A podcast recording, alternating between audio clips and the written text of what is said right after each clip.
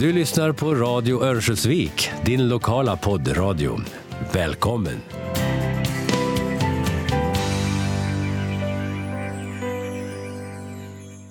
Nu blir det ett avsnitt om Kempestiftelserna. För den som vill veta mer finns det en bok om Kempestiftelsernas donator Lottie Bruselius. Boken heter Försvinnande spår och är skriven av Margareta Kempe och finns förstås på biblioteket. Den finns också på Kempestiftelsernas hemsida www.kempe.com som en textfil.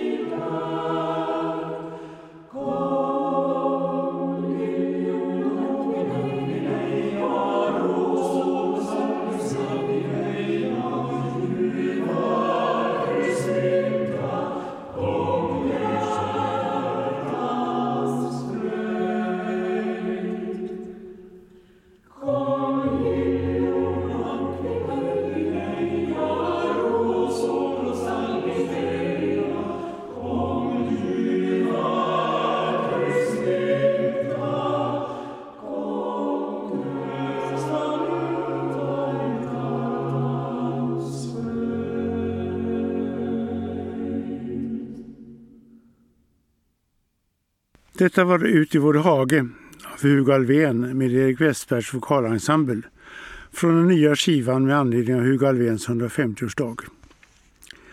Kempistifterna har i några år stött denna Sveriges främsta vokalensemble med säte i Piteå, därav valet av skiva. Normalt arbetar vokalensemblen med avancerad körsång, men med tanke på Alfvén-jubileet blev det en skiva med örongodis. Kempenstiftelsens andra donator var Anna Wass, en mycket musikbegåvad barnbarnsbarn till J.C. Kempe. Så därför kompletterar vi ofta våra anslag till forskning med anslag till musik. Framförallt med anknytning till musikskolan i Piteå som ingår i LTU. Ett av våra största anslag gick till den nya orgeln i Studio Acusticum i Piteå som lockar organister från hela världen. Studio Acusticum är en konsertsal i trä med den goda akustik som trä ger och med ett höj och sänkbart tak som anpassar akustiken till den musik som ska spelas. Så det är där den här skivan är inspelad. Men låt oss starta med den ursprungliga donatorn Lotte Bruzelius, dotter till JC i hans äktenskap med Charlotte Franzén. Hon satt på två arvslotter efter JC eftersom hon gift sig med sin svåger efter det att hennes hustru, hans hustru Helena från Jesus äktenskap med Fanny Franzén gått bort. Ragnar Bruselius gick själv bort 1902 och deras dotter Ragnar gick bort 1924. Så Lottie satt på en stor förmögenhet utan arvinge. Hon beslöt därför 1936 att avsätta hälften av sina mordaktier i en stiftelse till sin fars minne och samtidigt förordna om den andra hälften av arvsskiftet skulle gå efter henne skulle gå till en stiftelse till minne av hennes bror Seth M. Kempe, min farfar. Båda stiftelserna skulle ha samma stadgar, ändamål och styrelse. Hon ville att den förmögenhet hennes far hade åstadkommit skulle gå tillbaka till den region där det hade skapats, det vill säga Västernorrlands, Västerbottens och Norrbottens län. Hon insåg också att det behövdes en motvikt i Modos styrelse mot fransgrenen och formulerade det till sitt testamente 1933 på följande sätt. Det är min avsikt att denna stiftelse må kunna, genom att äga och förvalta aktier i MoDomsjö aktiebolag, befordra detta bolags lugna fortbestånd och utveckling. Det visade sig att detta tillägg innebar att stiftelsen ansågs få dubbla syften och därmed inte bli skattefriad. Så vid stiftelsebildningen 1936 hade denna avsiktsförklaring tagits bort. Men den har styrt stiftarnas styrelse inte minst genom att 1990 verka för att Modo skulle vara ett fritt stående företag. Bilden av stiftelserna innebar emellertid en sådan stabilitet i ägandet av Modos, att Modos aktieägare vågade ansöka om att göra Modo till ett publikt bolag genom att utge B-aktier som sattes på Stockholmsbörsen. Själv skrev Lotte följande om stiftelsernas inriktning. Först vill jag då nämna att jag är fast övertygad om det norrländska jordbrukets utvecklingsmöjligheter och att dessa ligger mig varmt om hjärtat. Beträffande sydliga länen har jag den uppfattningen att Västerbottens län på grund av dess större odlingshåg som där råder må äga något företräde framför Västernorrlands. Den omständigheten att Västerbottens läns innebyggare ej har samma stöd av industrier som Västernorrlands synes mig också berättigad till ett sådant ställningstagande. På tal om jordbruk vill jag påminna om trädgårdsskötseln, särskilt grönsaksodlingens betydelse som en binäring. En icke oviktig åtgärd är att genom pressen i mellersta och södra Sverige söka bibringa den stora allmänheten i landet en vidgad kunskap om Norrlands möjligheter. Välgörenhet till enskilda personer bör inte utgöra föremål för stiftelsens verksamhet.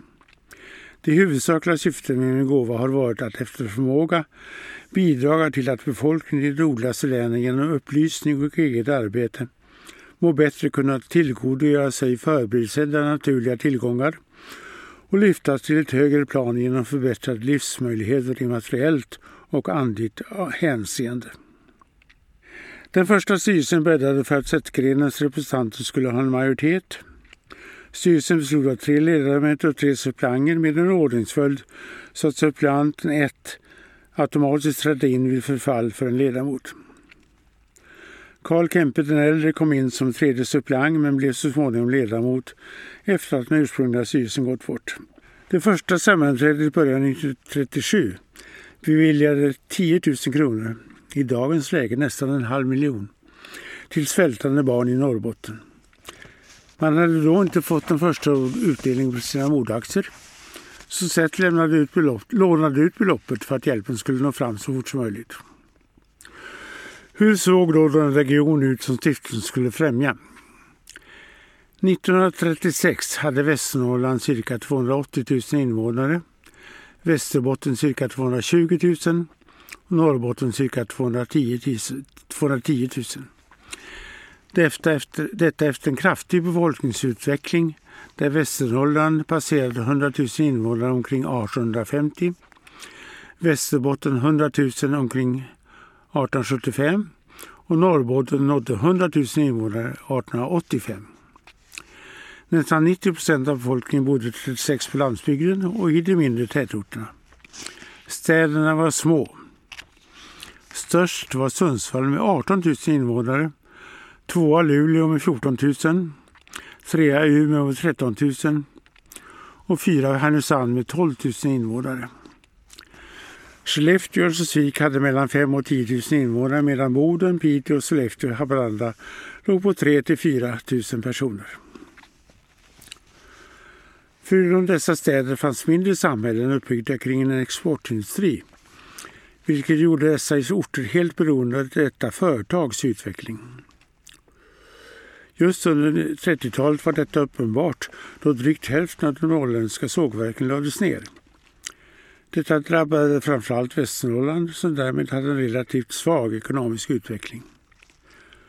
Däremot tog industrialiseringen i Västerbotten fart genom att Bolidenfälten började utvinnas och genom anläggandet av Inlandsbanan. Norrbotten har haft en starkare industrialisering genom statens engagemang i malmfält och vattenkraft. Men 1940 hade Västerbotten fortfarande 60 procent av sin sysselsättning i jordbruk och binäringar medan motsvarande siffra i Norrbotten var 50 procent och i Västernorrland 42 procent. Det fanns också vid denna tidpunkt fortfarande stark tilltro till förmågan att utveckla jordbruket i Norrland så att det kunde försörja fler människor. Bland annat lämnade samhället betydande stöd för etablering av småbruk i Norrlands inland. Man startade också lantbruksskolor för att se till att driften av jordbruken blev mer rationell och att all odlingspotential togs tillvara.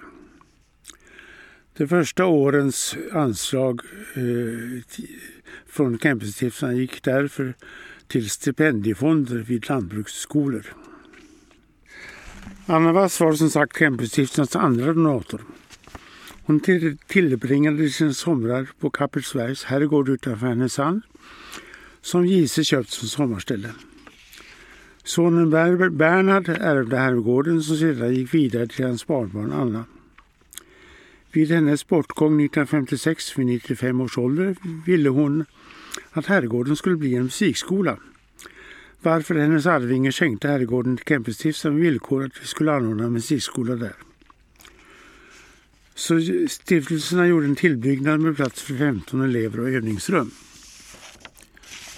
Musikskolan blev emellertid så populär att lokalen inte räckte till.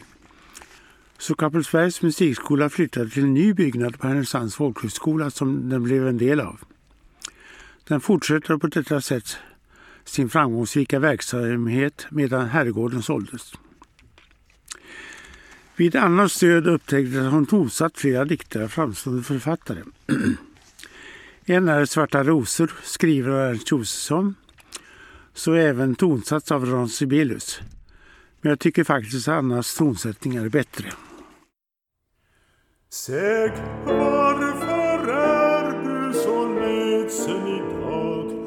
som alltid är så lustig och glad. Och inte är jag mera ledsen idag än när jag tycktes dig lustig och glad. Du sorgen har nattsvarta rosor i mitt hjärta där växer ett rosande träd som aldrig någonsin vill lämna mig i fred. Och på skälkarna sitter det tagg vid tagg och det vållar mig ständigt sveda och agg. Ty sorgen har nattsvarta rosor men av rosor blir det en hel klenod en vita som döden, en röda som blod. Det växer och växer, jag tror jag förgår. I järvträdets rötter, det röker och slår. Ty sorgen har nattsvarta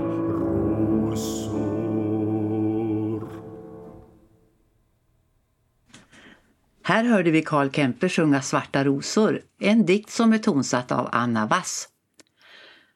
Den finns på en CD som Karl har spelat in med sånger som han sjungit genom åren, som en 80-årspresent till sig själv. När Erik Kempe blev VD hade sätet för de två Kempestiftelserna, som efter Lottis stöd 41 sköttes helt samordnat, flyttats från Stockholm till Örnsköldsvik. Det var 1945 och här har det varit sedan dess. 1959 var Erik ordförande för den ena stiftelsen och min far Ragnar för den andra. Förste suppleant var överste Kurt Kempf, svåger till Lottis favorit bland syskonbarnen Karl Salin.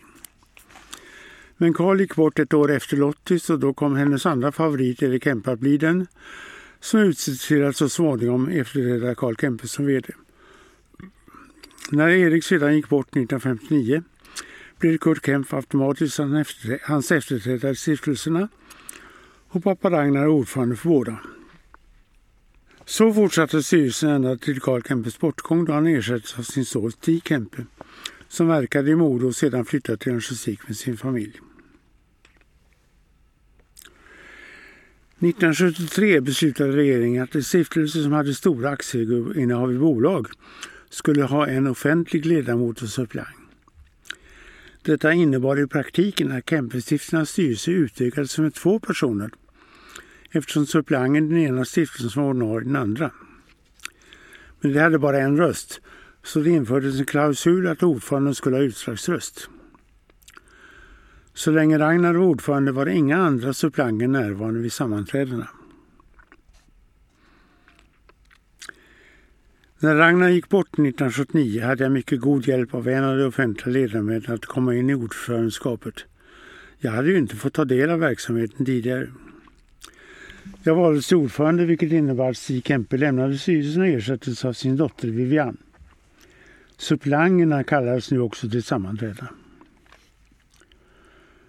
Syftet med offentliga ledamöter togs bort 1993 men vi behöll dem ett antal år eftersom de representerade lokal kunskap.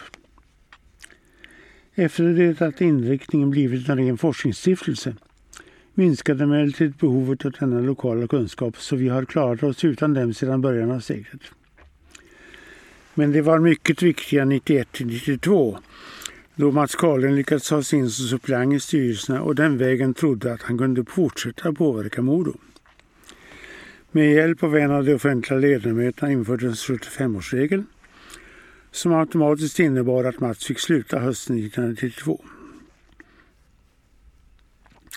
Vivian Kempe hade varit den som såg till att Mats kom in som suppleant med hjälp av min bror Anders som blivit ledamot 1990. När hon och Anders fortsatte att driva frågor som inte den övriga styrelsen stod bakom byttes det ut hösten 1994 och Erik Kempes barnbarn Mikael Peppler och Kurt Kempfs son Johan Kempf kom in istället. Där har jag haft ett lugnt och bra samarbete i styrelsen med successivt nya leder, ledamöter som nu deltar mycket aktivt i anslagsbesluten. När jag, när jag kom in 1979 skedde all bokföring för hand med hjälp av kamrer Nisse Nylander på Modo, som Modo ställde till stiftarnas förfogande. Även han blev en mycket, mycket viktig hjälp för mig att komma igång. Men han var pensionsmässig och min hustru Margareta, dotter till Kurt Kempf som nu hade fast anställning på Modo, satte sig med Nisses hjälp in i hur allt fungerade. Hon sökte också ett bokföringsprogram men hittade inte något som passade oss. Det som fanns hade löner och förmåner som viktigaste del, vi hade inga anställda. Eftersom hon drivit fram ett nytt kontosystem för Modokoncernen hade hon god kontakt med de som kunde hjälpa oss i Modo. Så det utvecklade ett program som fungerat utmärkt. Men omfattningen av verksamheten har blivit så stor att vi nu för första gången kontrakterat en bokföringsbyrå. När Lottie skrev ändamål för stiftelsen fanns ju inte ens tanken på att det skulle finnas universitet i Norrland. Så inriktningen har varit splittrad. Men lyckligtvis fanns forskningen som ett av de ändamål som eh, vi kunde ge pengar till och med tre universitet inom vårt verksamhetsområde kunde vi se att det viktigaste vi nu kunde göra för regionen var att utstärka forskningen. Så styrelsen beslöt att det skulle bli en ren forskningsstiftelse. De ursprungliga stiftelserna var uppdelade i två delar. Dels 60 i en beskattad stiftelse, dels 40 procent i en obeskattad. Den obeskattade stiftelsen skulle kunna ge anslag utan att mottagaren beskattades. Men när Margareta upptäckte att andra obeskattade stiftelser gav anslag till samma saker som vi använde den beskattade stiftelsen till tog hon med sedvanlig energi tag i frågan och fick så småningom, baserat på vår anslagshistorik, hela stiftelsen skattebefriad 1985. Detta har naturligtvis betytt att vi kunnat anslå mycket mer än vi annars kunnat göra. Så Margareta har betytt mer för stiftelserna än någon annan utom donatorerna.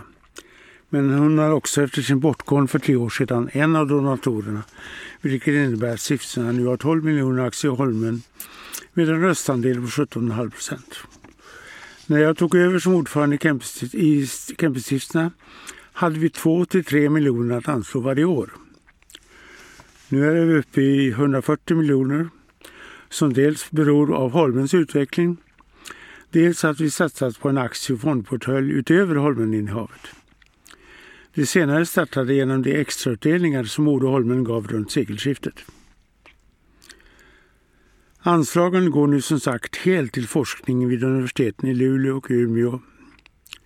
SLU Umeå fyller förstås en viktig roll, speciellt nu med den diskussion som pågår om skogsbrukets inriktning.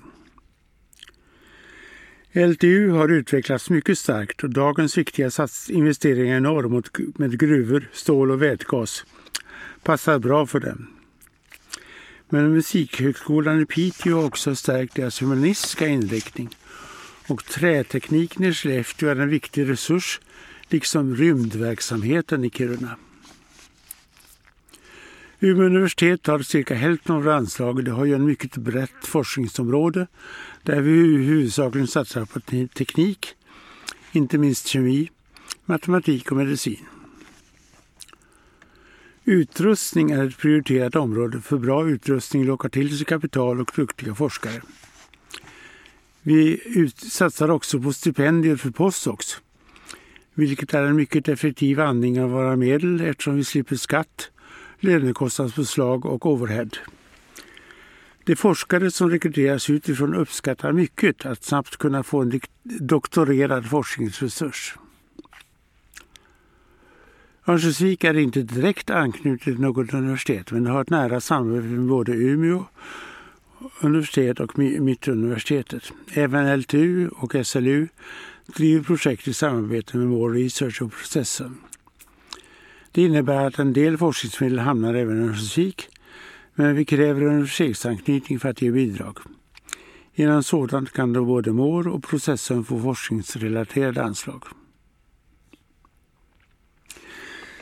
Min roll i stiftelsen är från halvårsskiftet 2018 ständig sekreterare med min dotter Alice som ordförande i en kompetent styrelse.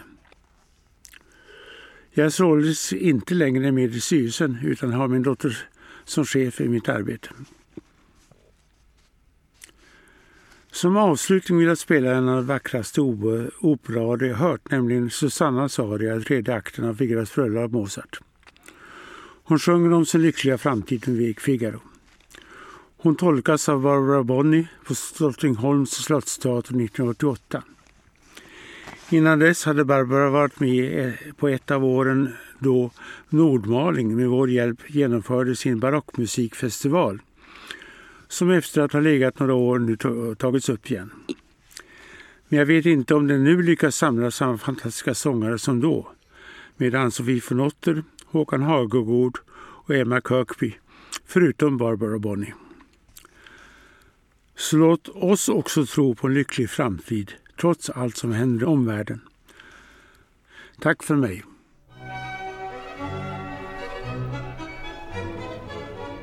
Giunse al fine il momento che godrò senza affanno in braccio all'idol mio.